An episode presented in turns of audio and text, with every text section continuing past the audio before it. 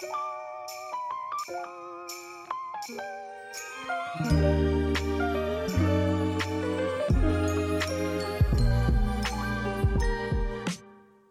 bij Rome Norte, de podcast die je wegwijs maakt als je het noorden wat kwijt bent en je begeleidt in je innerlijke reis naar persoonlijke groei. Ik ben Michelle Lippes van Drive Coaching en als selfcare expert en stress- en burn-out coach leer ik je te ontdekken hoe je veerkrachtig door het leven kan gaan. Ik nodig je uit op een avontuur waar zelfzorg, zelfliefde en zelfleiderschap jouw ankerpunten zijn.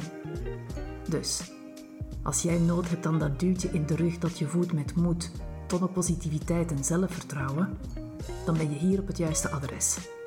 Sta open voor nieuwe inzichten, zelfreflectie en aha-momentjes terwijl je luistert naar Rombo Norte.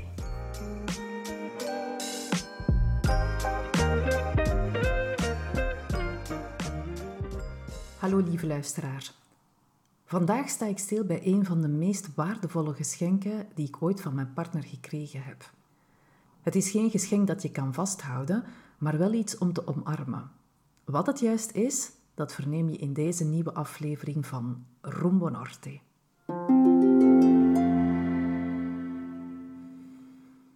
Enkele jaren geleden zag ik een post op Facebook verschijnen met deze quote. And if I ask you to name all the things you love, how long would it take before you name yourself? Vertaald, als ik je zou vragen om alles te benoemen waar je van houdt, hoe lang zou je dan nodig hebben om jezelf hierbij te vermelden?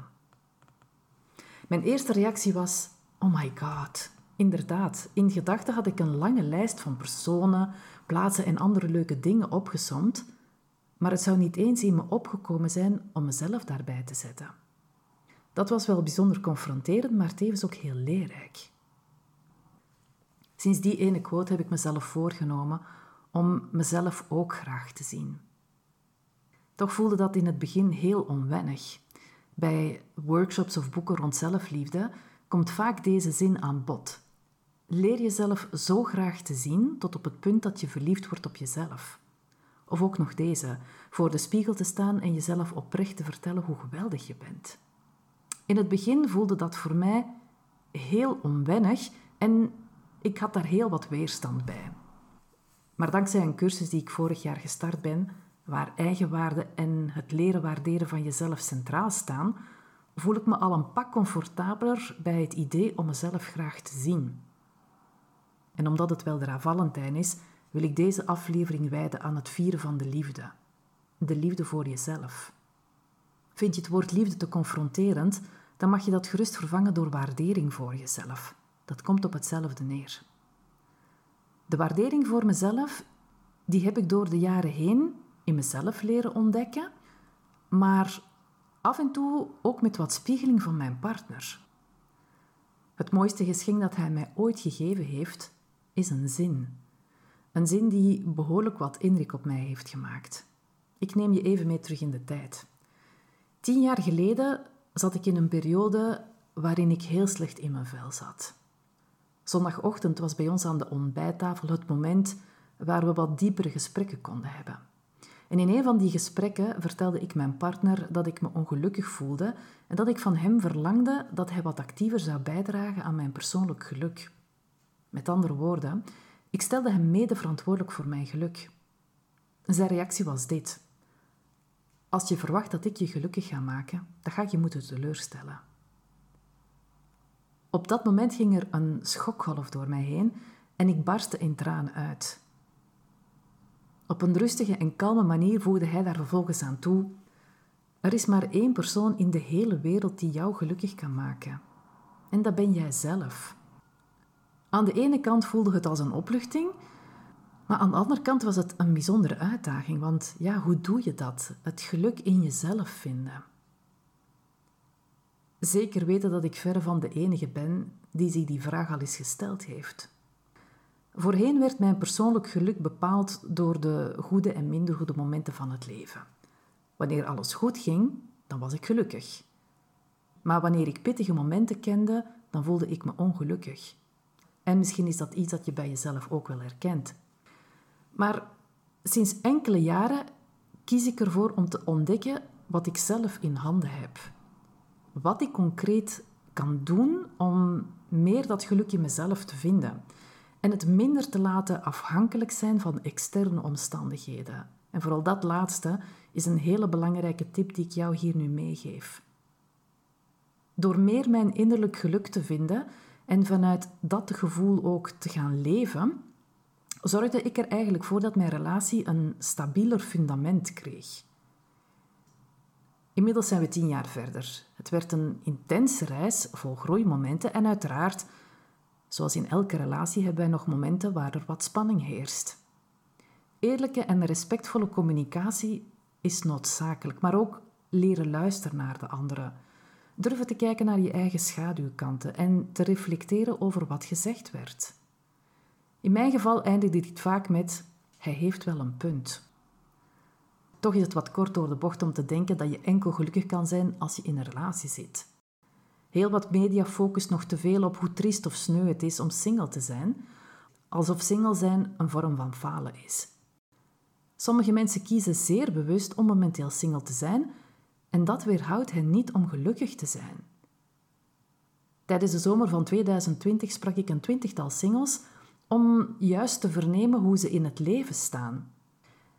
Ik koos er juist voor om op zoek te gaan naar mensen die het helemaal naar hun zin hebben met zichzelf. Wat maakt dat hun verhaal zo positief is ten opzichte van de andere verhalen? Wel, zij hebben ontdekt dat in het alleen zijn, niet te verwarren met eenzaam zijn, er ook heel veel groeikansen en mogelijkheden liggen. Wat die groeikansen en mogelijkheden zijn, dat kan je ontdekken in het artikel dat ik schreef voor Inspirerend Leven met de titel Het geheim van Happy Single, heb jezelf lief.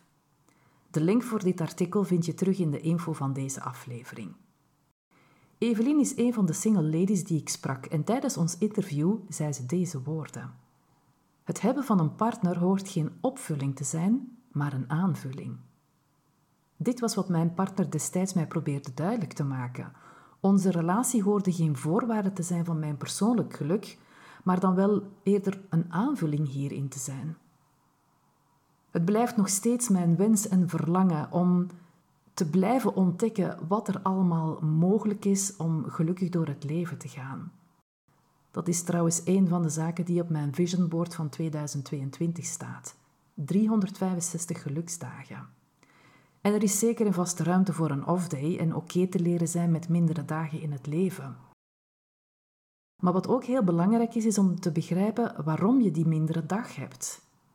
En te ontdekken wat jouw persoonlijke toolbox is, die jou helpt om in een natuurlijke vloeiende beweging, het zij fysiek, mentaal of emotioneel, jezelf terug te kunnen verbinden met dat fijne gevoel van innerlijk geluk. De toolbox, dat is een aantal gewoontes, acties die je van nature doet en die jou helpen om met moeilijke momenten om te gaan.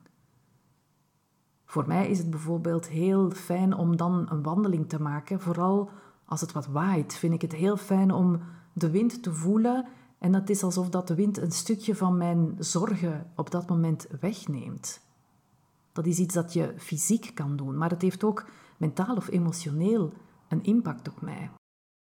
En jij hebt ook sowieso een aantal zaken waarvan je weet van dit dient mij, dit helpt mij in die moeilijke momenten. Zoals de Spaanse auteur Félix Torran schreef, en ik vertaal het voor jou. Gelukkig zijn is niet een groeiproces dat bestaat uit het ontwikkelen van nieuwe gewoontes, maar eerder het vinden van de verbinding met het geluk zelf, dat we ergens onderweg verloren zijn.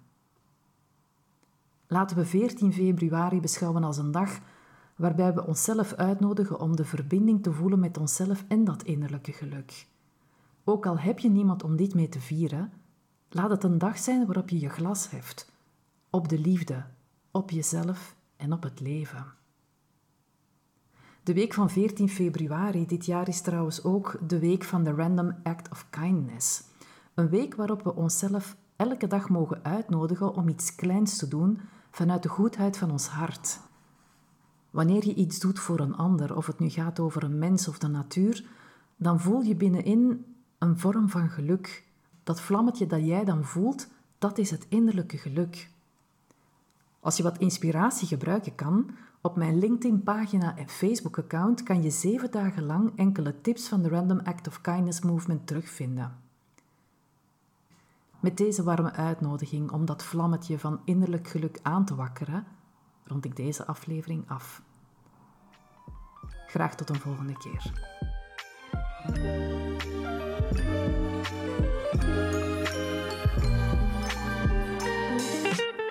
Super tof dat je luisterde naar deze aflevering van Rumbo Norte. Dank je wel. Werd je geïnspireerd door deze aflevering of ken je iemand die ook interesse heeft in persoonlijke ontwikkeling op een down-to-earth manier? Delen mag altijd. Laat een beoordeling of review achter op de app waarmee je naar deze podcast luistert, bijvoorbeeld iTunes. Het achterlaten van een review is heel eenvoudig. Scroll door naar beoordeling en recensie, geef een score en vertel waarom jij deze podcast leuk vindt. Zo maak je het mogelijk dat anderen de weg naar Rumbo Norte ook kunnen vinden. Oh ja, en als je graag wil weten wanneer er een nieuwe aflevering beschikbaar is, dan kan je je abonneren op deze podcast. Ik wens je nog een fantastische dag en graag tot een volgende aflevering.